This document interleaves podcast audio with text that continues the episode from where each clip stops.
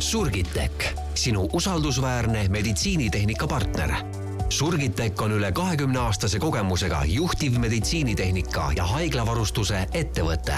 Surgitechil on pikaajaline koostöö Eesti tervishoiuasutustega. tegeleme professionaalsete diagnostikaseadmete müügi ja hooldusega. vaata lähemalt surgitech.ee. Surgitech tervist, head kuulajad, eetris on järjekordne jutusaade Luup. mina olen saatejuht Uku-Adrian Ilves ning täna häälestame ennast tõsise ja meie kõigi elu oluliselt mõjutavale teemale, milleks on koroonaviirus. täpsemalt tuleb juttu siis kiirtestidest, mis alles üsna hiljuti müügile eh, tulid ning on seega tavainimestele muutunud eh, kättesaadavaks. see on toonud eh, ühtlasi kaasa ka hulga küsimusi ja kiirtestide põhiline eesmärk on siis mm, võimaldada viirust varakult avastada ning vältida selle laiemat levikut. ja täna on mul külas kaks spetsialisti, Jessica Kildemann ja Avo Karus, tervist! tere! tere! Mõlemad on siis ettevõttest aktsiaselts Surgitech. Jessica on molekulaardiagnostika tootejuht, biomeditsiini ja neuroteaduste teadusmagister, omandanud Inglismaal Southamptoni ülikoolis ning Avo Karus on biokeemia doktor, kes on biokeemia valdkonnas olnud tegev juba aastast tuhat üheksasada kaheksakümmend ning täpsemalt siis molekulaarbioloogia ja sellealase teadustegevusega tegelenud üheksakümne neljandast aastast. aga saade pole kindlasti suunatud ainult eri erialaspetsialistidele, sellepärast et koroonaga seonduv puudutab ju meid kõiki ja täpselt sama eesmärk on ka sellel saatel. no alustuseks natukene Surgitekist äh, laiemalt, kui kaua olete tegutsenud ja äh, millega peamiselt tegelete? Surgitek tegeleb siis suures mahus professionaalse laboridiagnostika lahenduste pakkumisega äh, aastast juba üheksakümmend kaheksa ja olnud siis äh, Roche Diagnostics äh, Eesti ametlik esindaja kogu siis diagnostika tooteportfooliole aastast tuhat üheksasada üheksakümmend üheksa. Roche on siis, Roche Diagnostics on osa siis või suund suuremast ettevõttest Hoffmann La Roche, mille alla kuulub ka Roche Pharma ja, ja selle peakontor on Šveitsis ja Roche Diagnostics siis toodab erinevaid äh, IVD tooteid, äh, reagente ning analüsaatoreid. lisaks on äh, Surgiteki tootevalikus ka muud äh, haiglavarus, varustust ning vitamiine ja, ja, ja muid vahendeid. ja meie koostöö siis on olnud Eesti haiglatega ja tervishoiuasutustega juba siis pikemat aega. Ja hetkel ma eeldan, olete kõige rohkem fookuses kiirtestidega. Kõikide siis Covid lahendustega, ka selle taustalt siis ka kõik muud äh, labori diagnostilised lahendused, mis endiselt on vajalikud äh, peale Covidi, aga, aga kõik siis äh, Covid diagnostikaga hetkel väga teemakohane, jah. -hmm. ja rääkides kiirtestidest, Covidi kiirtestidest, siis äh, need ei ole väga kaua olnud kättesaadavad tavainimestele ja kindlasti on äh, üksjagu segadust põhjustanud ja äh, erinevaid teste on aetud omavahel segamini, et äh, alustame jällegi üldisemalt, et äh, kellele ja milleks need kiirtestid siis mõeldud on? Jah, Roche'i poole pealt siis eh, need kiirtestid tulid valikusse alles eelmise aasta novembris, ehk siis eh, ei ole jah, tõesti olnud pikemat aega kasutusel, ütleme koroona alguses kaks tuhat kakskümmend kevad neid meie tootevalikus ei olnud, ehk siis meie selle vooluga läksime kaasa alles nii-öelda teise laineaega Eestis. Ja, ja need on olnud esialgu siis eelkõige kasutuses haiglates ja tervishoiuasutustes siis eelmisest novembrist ja alles hiljuti siis jõudnud ka suuremale nii-öelda äh, kasutusse, suuremasse kasutusse äh, ka ettevõtete ja, ja apteekide ja muude asutuste poole pealt. kuna me ei tegele ainult kiirtestidega, siis tegelikult äh, nüüd selle Covidi testimine läks lahti kõigepealt haiglates ikkagi niisuguste traditsiooniliste PCR, õigemini siis äh, RT-PCR ehk siis äh, RNA, siis tehti kõigepealt DNA ja siis alles määratakse viirust. ja, ja see oli esimene etapp ja see tuli käiku kohe, kui viirus hakkas meile jõudma. ja tõesti, kiirtestidega äh, me tegeleme nüüd eelmise aasta lõpust ja see on nagu järgmine etapp, kus see testimine on suunatud juba laiematele ringidele jah, laias laastus võib siis öelda, et neid ähm, Covidi kiirteste on kolme tüüpi. on RNA, äh, siis antigeeni ja antikehade testid ja juba need on põhjustanud tavainimestes äh, hulga segadust, et ma olen ka kuulnud küsimusi, et oot, et kas see antigeeni test tähendab seda, et kui ma olen koroonaviiruse läbi põdenud, et siis ma saan teada, kui palju mul neid antikehi on. no see on üks küsimus, mida ma olen kuulnud mm. palju. et harutame nüüd siit lahti, et mis vahe neil on ja milleks mingit testi kasutatakse täpselt noh, RNA test äh, on, äh, RNA on geneetiline informatsioon, see on see, mida see viirus äh, tegema hakkab. ja RNA testide eelis on see, et neid saab hästi palju üles paljundada. et me paljundame RNA-d üles, järelikult meetodi analüütiline tundlikkus, ehk siis see, kui väike kogus meil on, mida väiksem kogus, seda parem me suudame seda tuvastada ja näha. ja see on nüüd nende testide eelis. Tõsi, selline test nõuab ka vastavat aparatuuri ja seepärast kiirtestina nad on kasutusel, aga nad nõuavad ikkagi spetsiaalset masinat. nüüd antigeeni ja antikeha testid, mõlemad määravad valku. aga antigeeni test määrab viiruse valku, ehk siis ta tuvastab, kas viirus on olemas.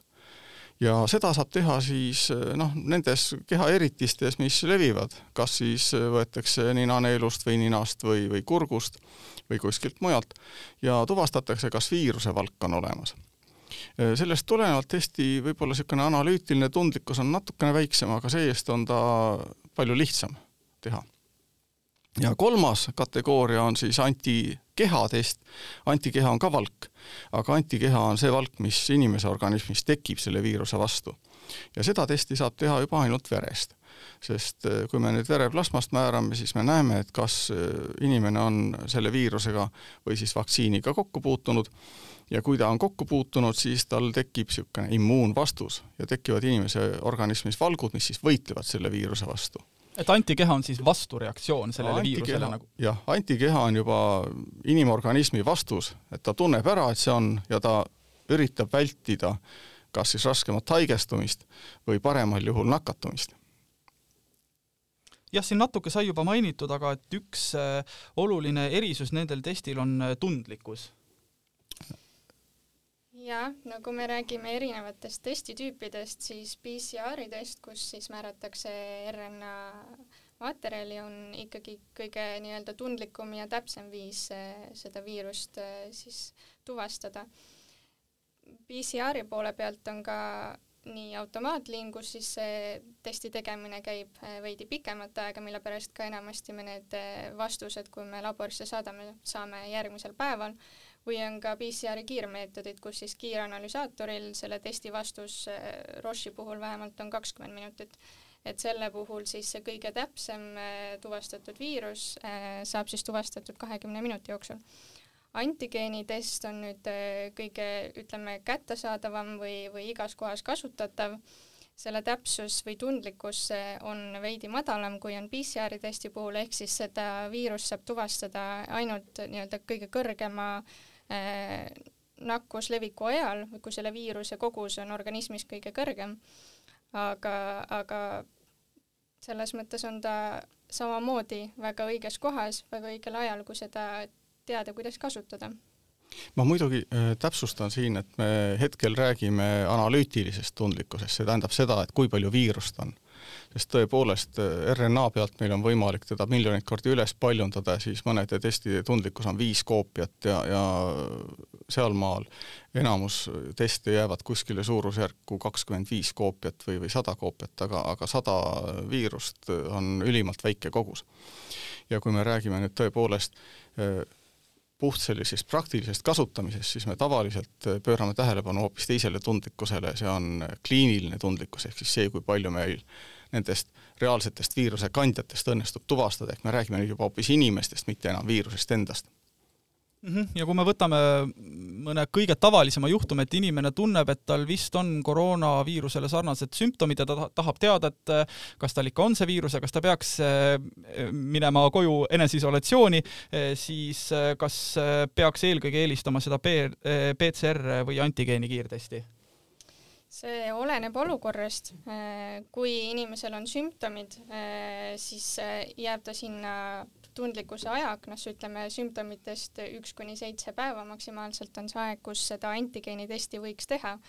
hilisemalt või varasemalt võib lihtsalt see viiruse tuvastamine olla PCR-testiga tundlikum, ehk siis PCR võib anda varasemalt positiivse ja võib ka pikemalt anda positiivse vastuse, võrreldes siis antigeenitestiga, kus ta siis just sellel kõrgel viirusperioodil tuvastab seda viirust, mille pärast temal siis ka tundlikkus kliiniliselt on madalam. kui on muidugi inimesel juba sümptomid, siis tavaline soovitus on ikkagi, et pöörduge perearsti poole ja tema saadab teid analüüsile. aga kui äh, südame rahustamiseks, äh, siis on väga hea ka kiirtest, sest kui inimese, inimene ise tunneb juba, et tal on sümptomid ja kui ta tahab ennast kontrollida, siis kiirtest on südame rahustuseks kõige kiirem vahend. No ma saan aru, et ega perearstist pääsu ei ole nii või teisiti selle dokumenteerimise ja selle jaoks, et kiirtest ongi mõeldud selleks, et inimene saaks teada, kas tal, ähm, kas ta on nakatunud või mitte, et kas ta peaks äh, minema eneseisolatsiooni, et vältida teiste nakatamist. Just, mida inimene ise saab ära teha, on siis jääda eneseisolatsiooni, kui see testi vastus on positiivne ja seejärel võtta ka ühendust perearstiga, kes äh, olenevalt siis perearstist, kas ta suunab edasi PCR testimisele, et see ka statistiliselt kinnitada laboratoorselt või ta avab selle pealt haigusloom, mis siis läheb Terviseametisse ikkagi teadaandena, et on Covid positiivne sellel inimesel. et see oleneb, oleneb perearsti otsustest, et sellist ühtset süsteemi hetkel antigeenitestide tõlgendamisele päris ei ole. Ja omaette küsimus on veel asümptomaatilised inimesed, et näiteks kui inimene puutub paljudega kokku öö, äh, oma tegemiste käigus ja tahab lihtsalt igaks juhuks teada, et kas mul äkki võib viirus olla, äkki ma ise seda ei tunne, aga ma võin teisi nakatada ja seda levitada, kas siis äh, pigem antigeenitest või PCR-test? nii-öelda igaks juhuks testimiseks, sest kindlasti on ka selliseid inimesi niisama igaks juhuks äh, PCR testimisel üldjuhul ei saadeta, et sellel juhul peab olema kas siis lähikontaktsus või sümptomid. Äh, PCR test on ka tegelikult päris kallis test, mida niisama teha, aga antigeeni testi puhul oleks see võimalus küll, seda siis nimetatakse screening uks, kus siis suuremas populatsioonis teha, testitakse inimesi ka neil, kellel ei ole sümptomeid, et tuvastada siis ka asümptomaatilisi või on ka päris palju juhtumeid, kus me oleme ettevõtetes testinud ja, ja tuleb siis mõnel töötajal positiivne vastus, aga ta ise ütleb, et ta ei tunne, et ta oleks haige. jääb siis eneseisolatsiooni, saab positiivse ka PCR vastuse ja alles võib-olla järgmine, ülejärgmine päev tal tekivad need sümptomid et selles mõttes äh, on olnud olukordi, kus on äh, varajane siis viiruse tuvastamine, et see väldib siis seda ütleme, kahepäevast perioodi, kus ta oleks võinud seda viirust äh, levitada ja lähikontaktseid juurde luua. Mm. siin ongi tegelikult see temaatika, kui nüüd vaadata ka Tartu Postimehes ilmunud värsket artiklit, kus siis eh, üliõpilaste testimisel tuli välja juba ühe, ühe nädala jooksul kaks positiivset, siis, siis tähendab see seda, et me oleme vältinud sisuliselt kaks töökohakollet, kui seda testimist tõepoolest üpris sagedasti läbi viia. ja tulevadki välja need, kes võiksid tuua selle viiruse kuskile kas siis töökollektiivi sisse või, või siis oma suhtlusringkonda. ja kui meil õnnestub nad varakult tuvastada, siis äh, sellega me saamegi seda üldist haiguse taset võib-olla meie ühiskonnast äh, alla tuua aga kuidas teil ettevõttel selles mõttes siiamaani läinud on nende kiirtestidega, et te hetkel ju ainukesed Eestis äh, ilmselt ei ole? et neid antigeeni kiirtestide pakkujaid just on turul väga palju ütleme, kuna see kriisiolukord äh, nõuab lahendusi, siis neid lahenduse pakkujaid on ka palju. Äh, PCR testimise puhul äh, neid valikuid nii palju ei ole, on, on ka ütleme keerulisem ja professionaalsem süsteem, aga just antigeeni puhul jah, tõesti neid valikuid on palju turul. meil on läinud väga hästi, ütleme novembrist eh, oktoobri lõpust siis tuli meile esimene komplekt, eh, mille me siis koostöös Põhja-Eesti Regionaalhaigla ja Terviseametiga kohe ka võrdlustestidena siis verifitseerisime. ja sellest ajast peale siis oleme äh, või on need Roche'i äh, Diagnostics äh, antigeeni kiirtestid ainukesed äh, ja esimesed, mis on verifitseeritud, on raske öelda, kas sinna lisandub Eesti poolt veel mingisuguseid verifitseerimisandmeid, aga, aga sellest ajast oleme me neid pakkunud ja novembrist saati siis on haiglad antigeeni testimist teinud.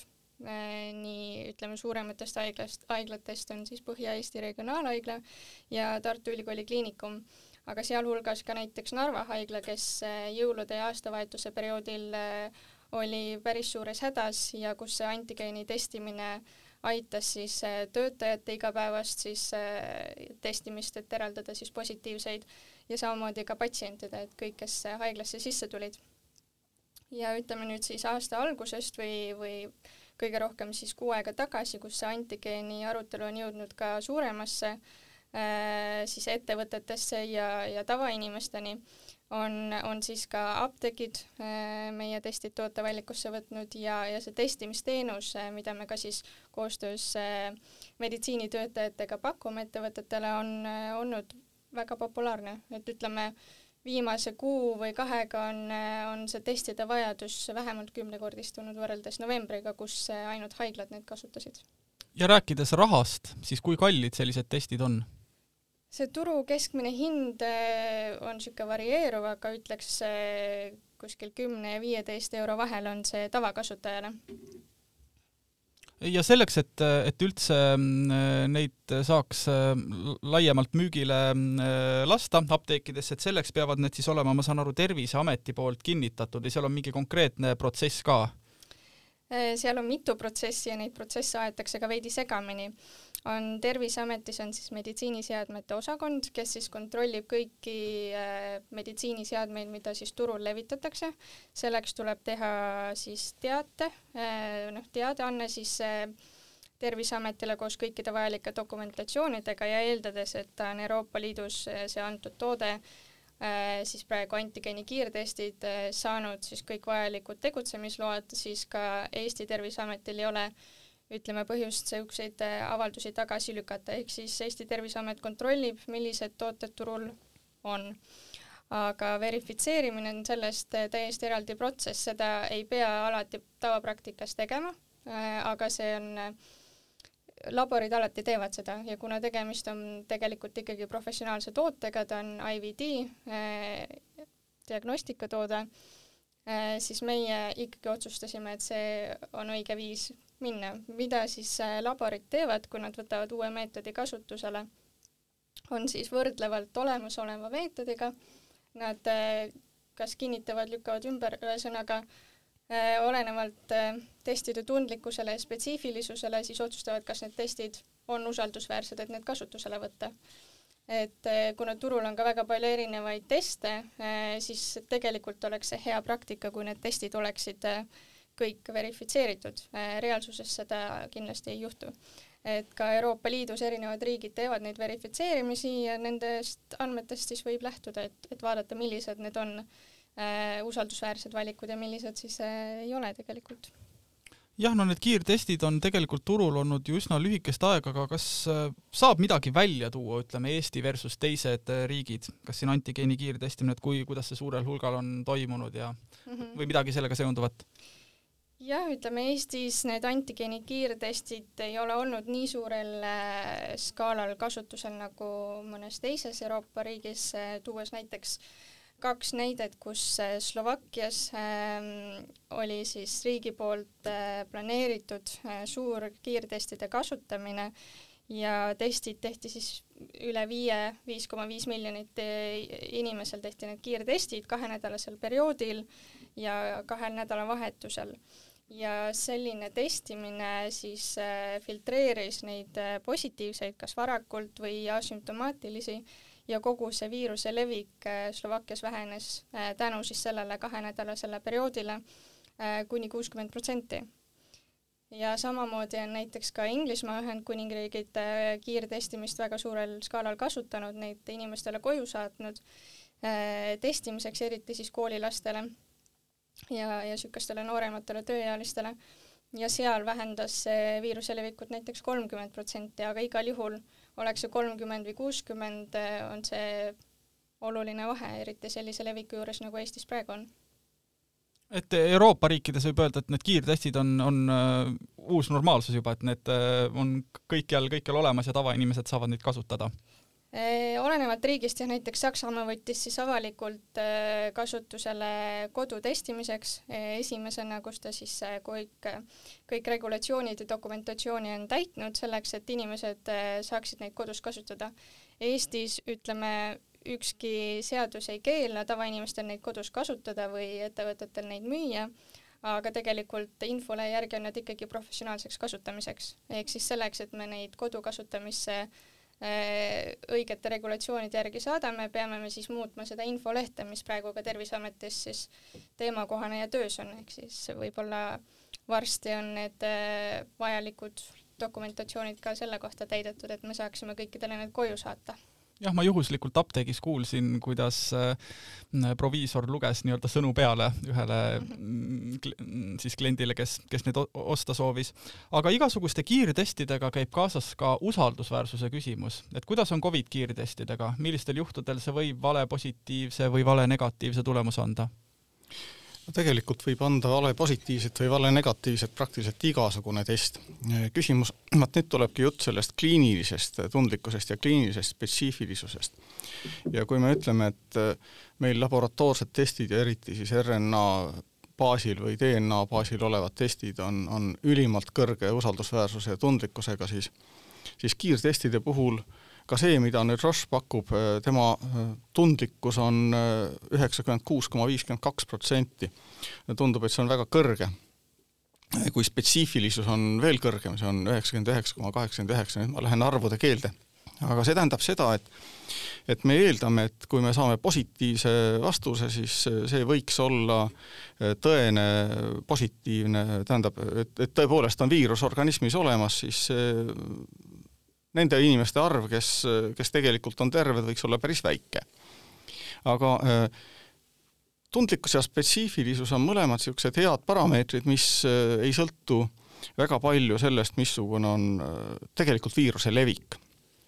ja kui me nüüd võtame, et, et meid tegelikult ju huvitab see, kui palju meil on tõenäosus saada vale positiivset tulemust noh, vale positiivse saamise tõenäosus, kui me nüüd vaatame eilseid andmeid, kui palju meil oli aktiivseid haigusjuhte Eestis, neid oli veidi alla kahekümne tuhande, siis äh, inimeste arvuga jagada me saame teada, et keskeltläbi kuskil üks koma, peaaegu, peaaegu üks koma neli protsenti eestlastest on hetkel haiged, ehk siis selle viiruse kandjad. Kui me nüüd võtame selle alusel ja vaatame, testi tundlikkus ja spetsiifilisus on ilusti meil teada, see on analüüsitud, siis me saame teada, et tõepoolest meil on võim, tõenäosus, et me saame positiivse tulemuse, täiesti välja arvutatav, ja nendest äh, osa on õi-, tõsipositiivsed ja osa on valepositiivsed. ehk siis äh, kuna terveid on ikkagi rohkem, üle üheksakümne kaheksa protsendi on meil neid, kes ei ole viirusega nakatunud, siis äh, sellise spetsiifilisuse juures võiksime me eeldada, et meil ikkagi tuleb paratamatult vahel vale positiivseid. ja kui me nüüd arvutame välja selle alusel, et, et meil Eestis tõepoolest on kuskil üks koma neli protsenti on levimus, siis vale positiivseid võiks olla iga viies ehk siis, kui selle kiirtestiga näiteks teha ettevõttes kiirtestimine, siis nendest äh, viiest, kes saadetakse koju ja kes siis pöörduvad perearsti poole, äh, üks inimene võiks äh, olla väga õnnelik pärast, et ta saab negatiivse tulemuse. et me teeme selle ühe inimesega õnnelikuks aga teisest küljest vaadake selle ettevõtte jaoks, kes siis testib näiteks või, või teeme masstestimist, siis negatiivne prognostiline väärtus ehk siis negatiivne ennustusväärtus, et negatiivne tulemus on tõepoolest, näitab, et sa oled terve või et sa viirust ei kanna, see, selle tõenäosus läheb juba väga suureks, on üheksakümmend üheksa koma üheksakümmend viis protsenti. mis tähendab, et üksainukene vale negatiivne iga kahe tuhande kuuekümne üheksa negatiivse tulemuse kohta. üle kahe tuhande testi ja see annabki tegelikult meile niisuguse hea julguse, et, et kui me neid kiirteste kasutame ja kui me teeme niisugust masstestimist, nagu oli Slovakkias, siis me suudame ära tuvastada need, keda me julgeme lubada ühiskonda, kes, kes võivad rahulikult minna tööle ja nii edasi, et nende puhul meil see usaldusväärsus on oluliselt kõrgem. Ja need, kes meil isolatsiooni jäävad, noh, nad peavad tõepoolest pöörduma perearsti poole ja, ja laskma ennast üle testida ja siis võivad ka saada rõõmusõnumi veel aga me suudame tõepoolest selle viiruse üldist levikut väga tugevalt ohjeldada. ja siin ongi kaks aspekti, et üks on see, et kui me teeme ettevõtetes ja tehakse niisugune täielik testimine kas üks kord või kaks korda nädalas, siis me saame vältida just neid töökohakoldeid. Ehk siis me tegelikult saame niisugust kiiret levikut pidurdada seal. kodudes see levik tõenäoliselt jääb ikkagi alles, sealt, sellest, sellest me ei pääse. ja masstestimise näide, nagu oli Slovakkias, siis see aitab meil kogu ühiskonnas neid isolatsiooni saata.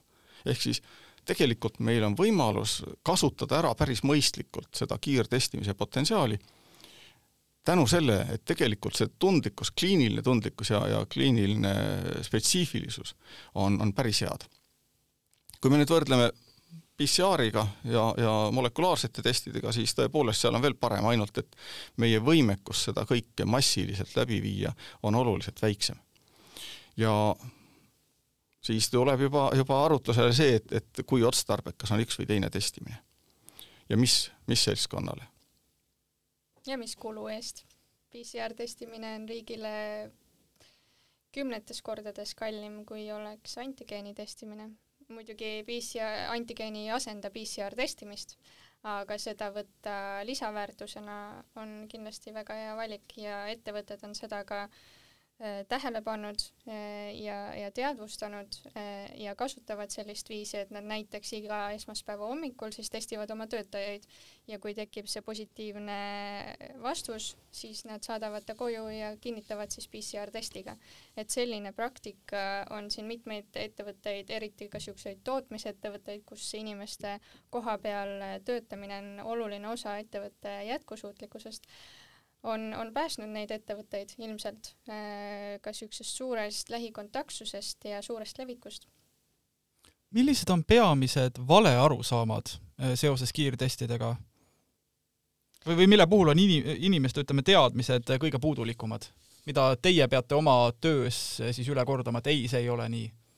tihtipeale jõuab meieni ähm, inimene jällegi, kes siis arvab, et tal oleks vaja antikehateste ja, ja siis, kui me täpsustame, et mille jaoks tal neid vaja on ja kuidas ta siis on planeerinud testimist ja mis eesmärgil, siis tuleb välja, et tegelikult on üldse antigeenitesti vaja. et see suur erinevus, see arusaam antigeeni ja antikeha vahel äh, on endiselt äh, segane, on, on jäänud niisugune mulje vähemalt, et antikeha puhul siis ikkagi testitakse seda läbipõetud viirust alates pärast siis kahte nädalat, kui viirus on juba läbi põetud. et see ei näita meile praegust aktiivset viirusperioodi, kas see inimene on nakkusohtlik või ei ole. et selliseid antikeha kiirteste või, või mitte kiirteste tuleks siis teha hilisemalt. aga antigeenitest on ikkagi see, mille pärast enamus inimesed meie poole hetkel pöörduvad, et tuvastada seda aktiivset nakkusohtlikku inimest. et see on üks eh, selline valu, vale arusaam aga neid, äh, neid on veel ka selle kohta, et millal seda testi peaks tegema. Äh, noh, soovituslik ongi tootja poolt, et üks kuni seitse päeva siis sümptomitest. Äh, samuti on küsimused selle kohta, et kui, kui on negatiivne, kas see on ikkagi usaldusväärne, nagu ka Aavo selgitas, siis negatiivsete tulemuste puhul sellise nakkuskordaja juures me saame olla kindlad, ehk siis ettevõttel on see kindlustunne või eraisikul, kes testib, et kui tal on negatiivne ja test on võetud korrektselt, äh, siis, äh, siis selle testi tulemusega saab rahul olla. mis võib olla üks selline koht, kus inimesed vea teevad või, või kus on, kus on vaja tähelepanu pöörata selle testi tegemise juures, ongi proovi võtmine et selle testi, testi tu-, tulemus või usaldusväärsus sõltub väga palju sellest, kuidas on proov võetud. Äh, ja, ja sellele tulekski siis äh, tähelepanu pöörata testi tegemise juures. jah, väga hea, see oligi sissejuhatus mu järgmisele küsimusele, et kui lihtne neid teste on kasutada, kas, kas see protseduur on samasugune kui see test, kuhu perearst suunab? Äh, perearst suunab PCR-testile, seal on äh, reeglina alati ninaneelu proovi võtmine ehk siis niisugune viis sentimeetrit nina kaudu äh, ninaneelust siis selle proovi võtmine. ütleme, see on teaduslikult tõestatud kõige täpsema proovivõtmismeetodina, aga alternatiivselt on meil ka testid, mis on ninast ehk siis ninasöörmetest ainult mõni sentimeeter siis nina kaudu sisse minnes et see on mugavam viis tavainimesele proovi võtmiseks ja, ja teatud viimaste uuringute järgi siis ei ole vahet, kas on ninast või ninaneelust see proov võetud, tundlikkus on olnud sama, mis annab kindlustunde siis nendele inimestele, kes ise testivad. aga, aga siis teistsugused meetodid nagu süljest või, või suust võetud proovid, nende kohta ei ole nii palju materjali, et need võiksid olla sama täpsed kui ninast või ninaneelust.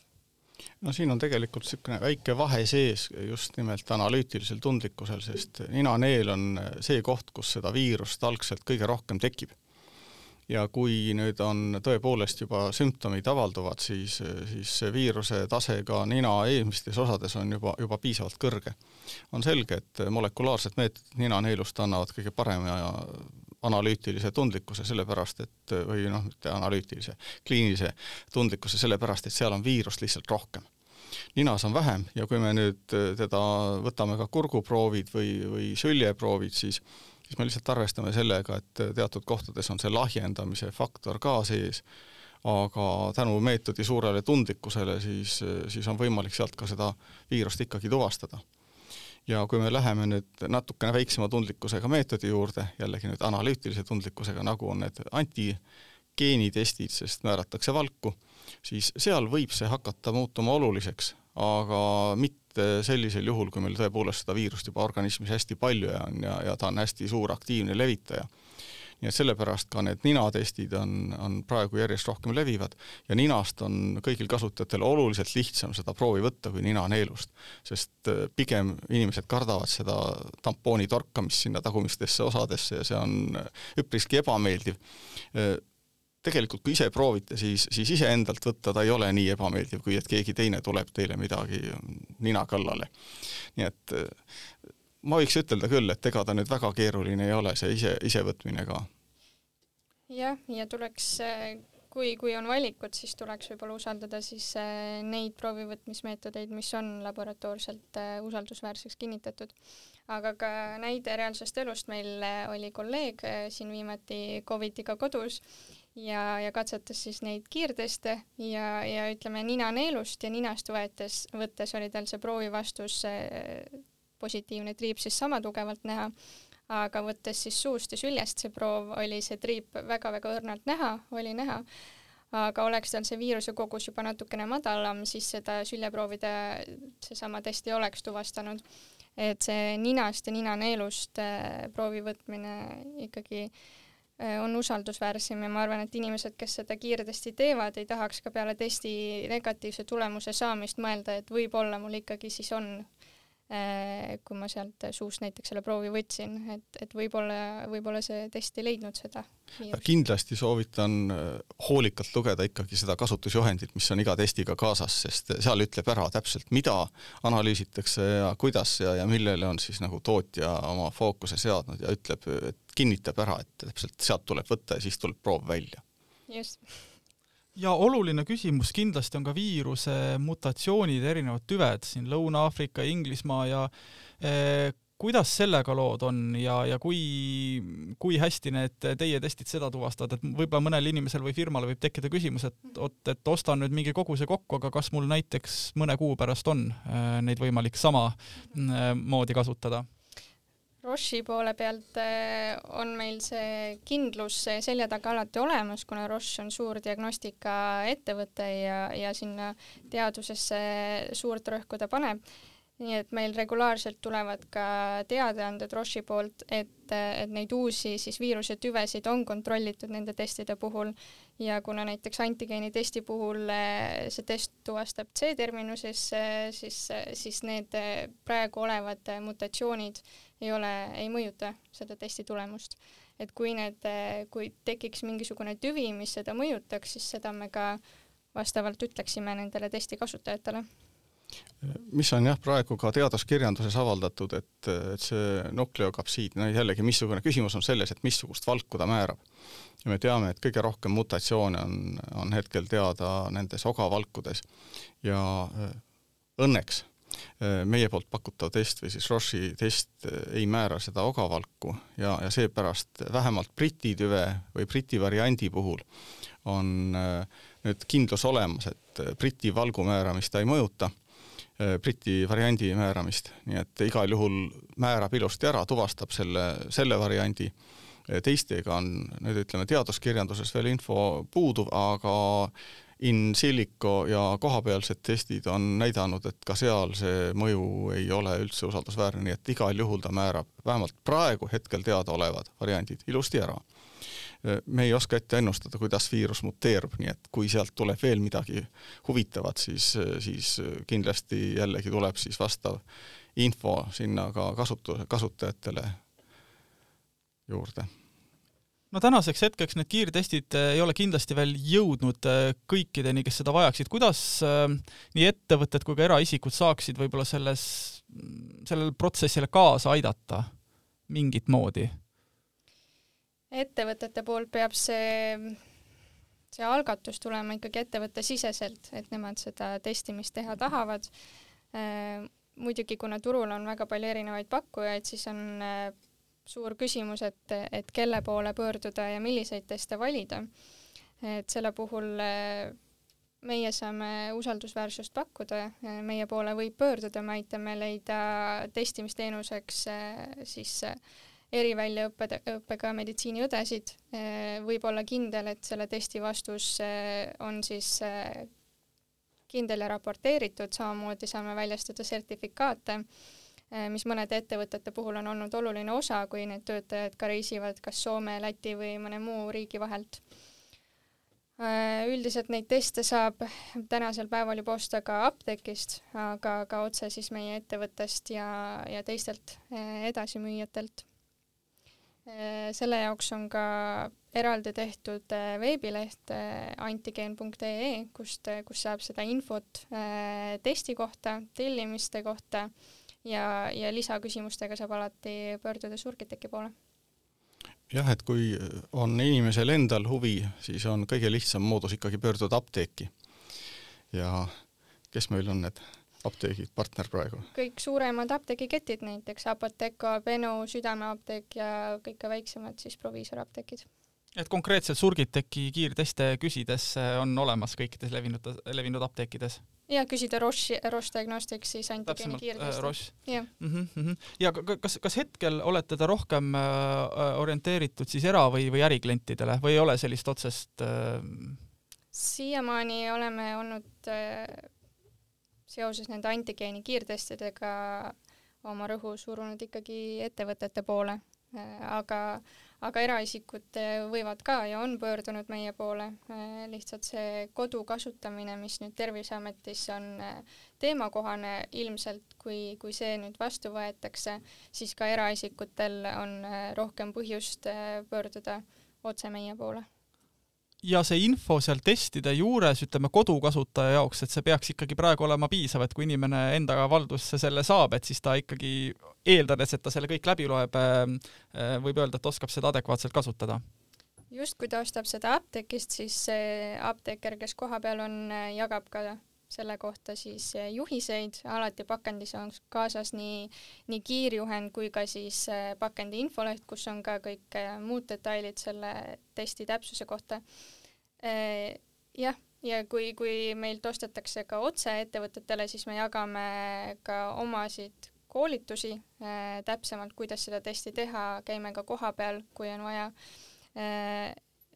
jah, see, see info peaks olema piisav jah, seda ma tahtsingi küsida, et ilmselgelt ettevõtted mitte lihtsalt teilt ei osta tooteid, äh, vaid paljud neist kindlasti ka seda oskusteavet ja konsultatsioone, et mida siin veel nagu välja tuua? Et mis tuleb teil tootega kaasa, kui me räägime suuremast ettevõttest mm? -hmm. või mis võimalused, ütleme siis täpsemalt?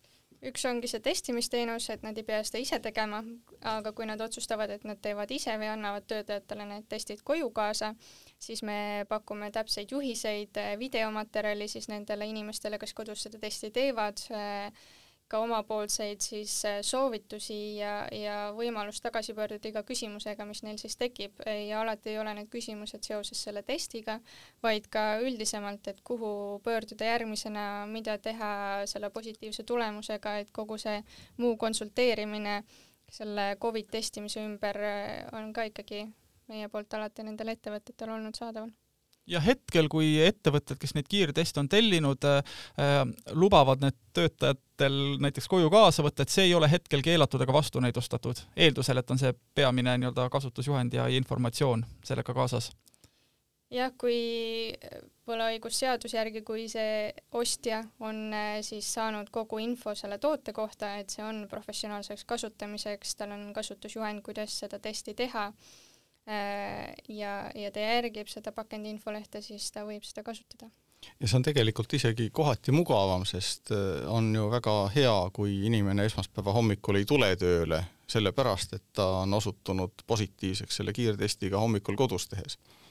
kui ta tuleb kohale, siis juba koha peal ta võib kellegagi kokku puutuda ja, ja see on ikkagi üks niisugune lisarisk jah, selge see, eks see ongi äh, kiirtestide tänuväärne töö, et võimaldab äh, mugavalt ja kiiresti ähm, enda tulemuse teada saada, sest ähm, ajal, kus päevast äh, testitakse viis ja rohkem tuhat inimest, et alati ei saa inimene kohe perearsti saatekirja kaudu näiteks samaks päevaks endale seda võimalust, et see, see ongi see tühimik, mida kiirtest, kiirtestid täidavad. Mhm. ja ka ettevõtetes, kus on ikkagi rohkem töötajaid, siis hommikul kui hakata kõiki testima professionaali poolt, siis see on üpris, üpris tülikas, lihtne on, kui inimene ise võtab endal selle proovi, teeb ära ja, ja registreerib lihtsalt tulemuse.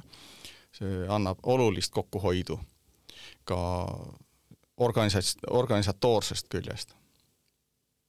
ja rääkides veel teie ettevõtte ehk Surgiteki mm, tulevikusuundadest, mida siin tooksite välja? noh, muidugi tulevik on natukene ette ennustamatu, aga just eriti Covidi osas ja. Äh, on see ennustamine väga raske, kui üldiselt meil nende diagnostikalahenduste puhul me teame enda plaane mitu aastat ette, mida haiglad hangivad, mida neil järgmisena vaja on, aga nende antigeeni ja üldse selle Covidi testimise puhul on väga raske ka näha, mis kuu aja pärast see seis on, kas see tõuseb või langeb aga ilmselt see ennustus on ikkagi see, et antigeenitest leiab järjest rohkem äh, kasutust äh, ja leiab äh, Äh, rohkem nii-öelda usaldusväärsust ka nende seas, kes äh, hetkel veel võib-olla arvavad, et need ei ole nii täpsed testid.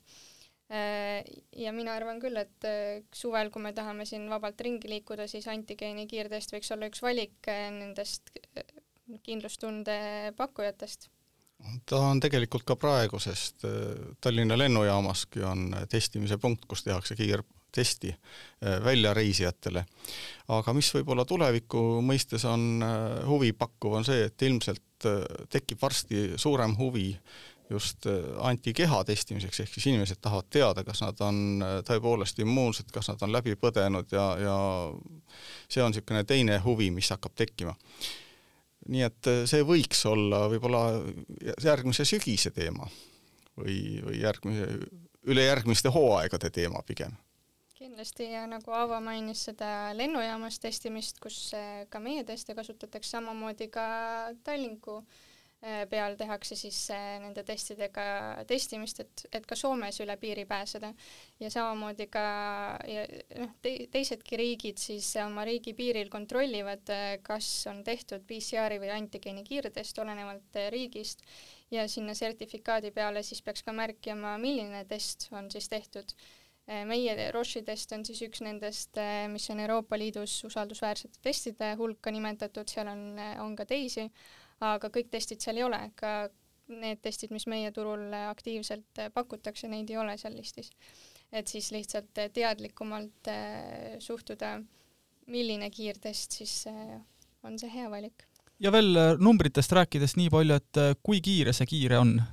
viisteist minutit on testi siis äh, mõjumise aeg, kui kaua peab ootama selle testi vastust, sinna lisandub ka siis see proovi võtmine ennem seda.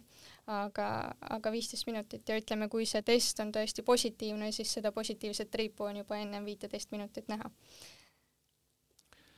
ja hakates tasapisi äh, otsi kokku tõmbama, kas on veel midagi, mida te tahaksite seoses ähm, koroonaviiruse ja kiirtestidega inimestele südamele panna? No seoses viirusega ikkagi hoidke ennast ja hoidke teisi. kõige tähtsam, tähtsam sõnum täna, tänasel päeval ikkagi jätkuvalt. ja kiirtest on lihtsalt üks täiendav võimalus selleks, et ennast ja teisi hoida jah, see peaks olema meie kõigi ühine eesmärk, et äh, suvi ei jääks ära nii-öelda, nagu siin on halva stsenaariumina ka välja toodud ja äh, kui nüüd konkreetselt äh, noh, apteegi, apteekidest me juba rääkisime, aga konkreetselt inimesed või ka ettevõtted tahavad otse teiega ühendust võtta, tellida endale neid teste ja saada sellega kaasa ka oskusteavet, siis on ilmselt kõige parem teie kodulehe kaudu surgitek.ch.ee just, see oleks üks viis, kuidas siis otse ettevõttega ühendust saada või siis ka antigeen.ee, kus on siis äh, konkreetselt ainult selle antigeeni testi kohta infot ja võimalik ka kontakti saada. ma väga tänan teid, äh, Jessica ja Avo, siia stuudiosse tulemast, mul oli väga huvitav ja soovin teile kõigile tervist ja pingutame selle nimel, et suvi meil ikkagi toimuks. aitäh ja järgmise korrani! Surgitech, sinu usaldusväärne meditsiinitehnika partner. Surgitech on üle kahekümne aastase kogemusega juhtiv meditsiinitehnika ja haiglavarustuse ettevõte. Surgitechil on pikaajaline koostöö Eesti tervishoiuasutustega. tegeleme professionaalsete diagnostikaseadmete müügi ja hooldusega. vaata lähemalt surgitech.ee. Surgitech